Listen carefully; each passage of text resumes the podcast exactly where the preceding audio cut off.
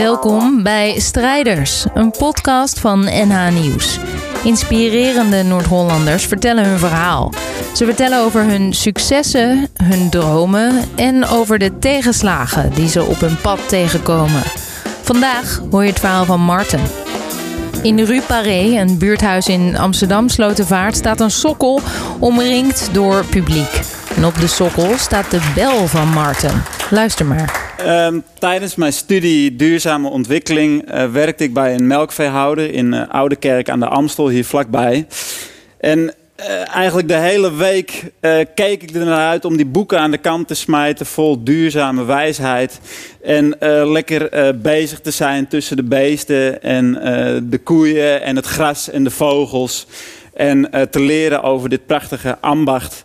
Um, en uh, mezelf weer verbonden te voelen met uh, de dieren en het land. En uh, op een gegeven moment zat ik op de fiets terug naar Amsterdam. En ik, ik besefte van, hé, hey, ik ben mijn sleutels vergeten. Maar goed, mijn vriendin die was bij de Local Goods Market hier in de Hallen, de Foodhallen in Amsterdam. En ik denk, nou, dat komt mooi uit. Ik heb de Local Goods nog aan mijn broek hangen, zeg maar. En het hooi in mijn haar. Dus ik word daar vast met open armen ontvangen. En, uh, uh, maar dat viel een beetje tegen eigenlijk. De mensen die haalden de neus voor me op en dan, dan, dan dekten ze hem ook gauw weer. Want die mensen die daar met de boerenpet uh, rondlopen, liepen, die, uh, die roken niet naar de mest. En die hadden ook geen hooi in het haar, weet je wel. En, maar ze wisten ook niet zoveel van het boerenvak eigenlijk. Maar kortom, de boerderij is in Amsterdam ook altijd dichtbij. Maar toch ook een wereld apart. En um, uh, terwijl local goods toch blijkbaar heel hip zijn, vindt van de producten die rondom de stad worden geproduceerd, een fractie direct zijn weg naar de stad. En uh, terwijl uh, veel mensen toch een heel positief beeld hebben van de boeren en een heel romantisch beeld van het boerenambacht, uh, is toch, was er toen, net zoals nu, een heel negatief publiek debat gaande.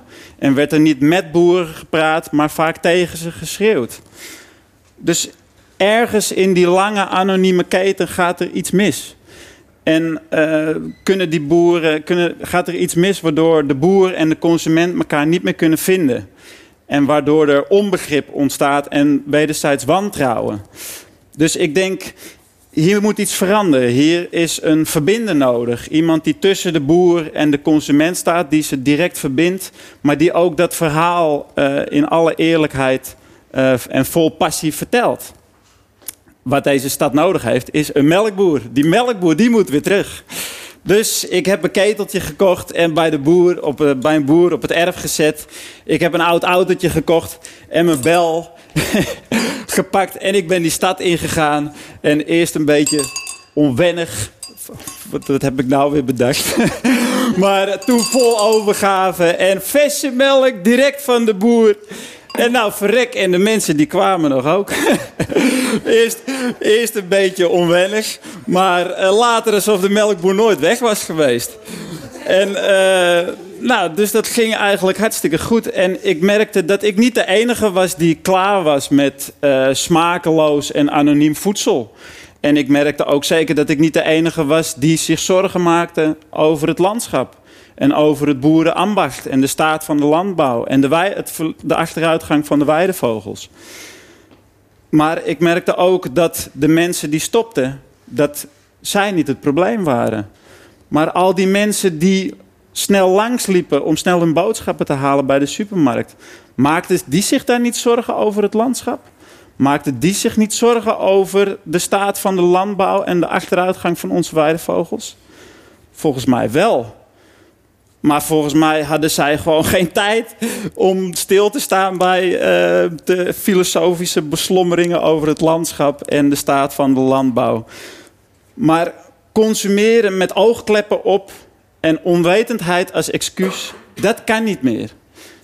We hebben, uh, wij als duurzame ondernemers hebben de verantwoordelijkheid om echt goede producten en duurzame producten net zo beschikbaar te maken als andere producten. Maar jullie, wij allemaal als consumenten, hebben de verantwoordelijkheid om verantwoorde keuzes te maken.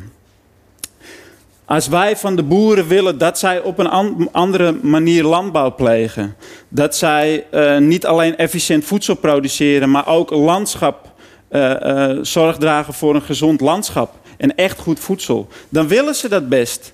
Een, een recent onderzoek van Trouw bleek dat 80% van de boeren meer, op een meer natuurvriendelijke manier wil boeren als de consument daarvoor wil betalen.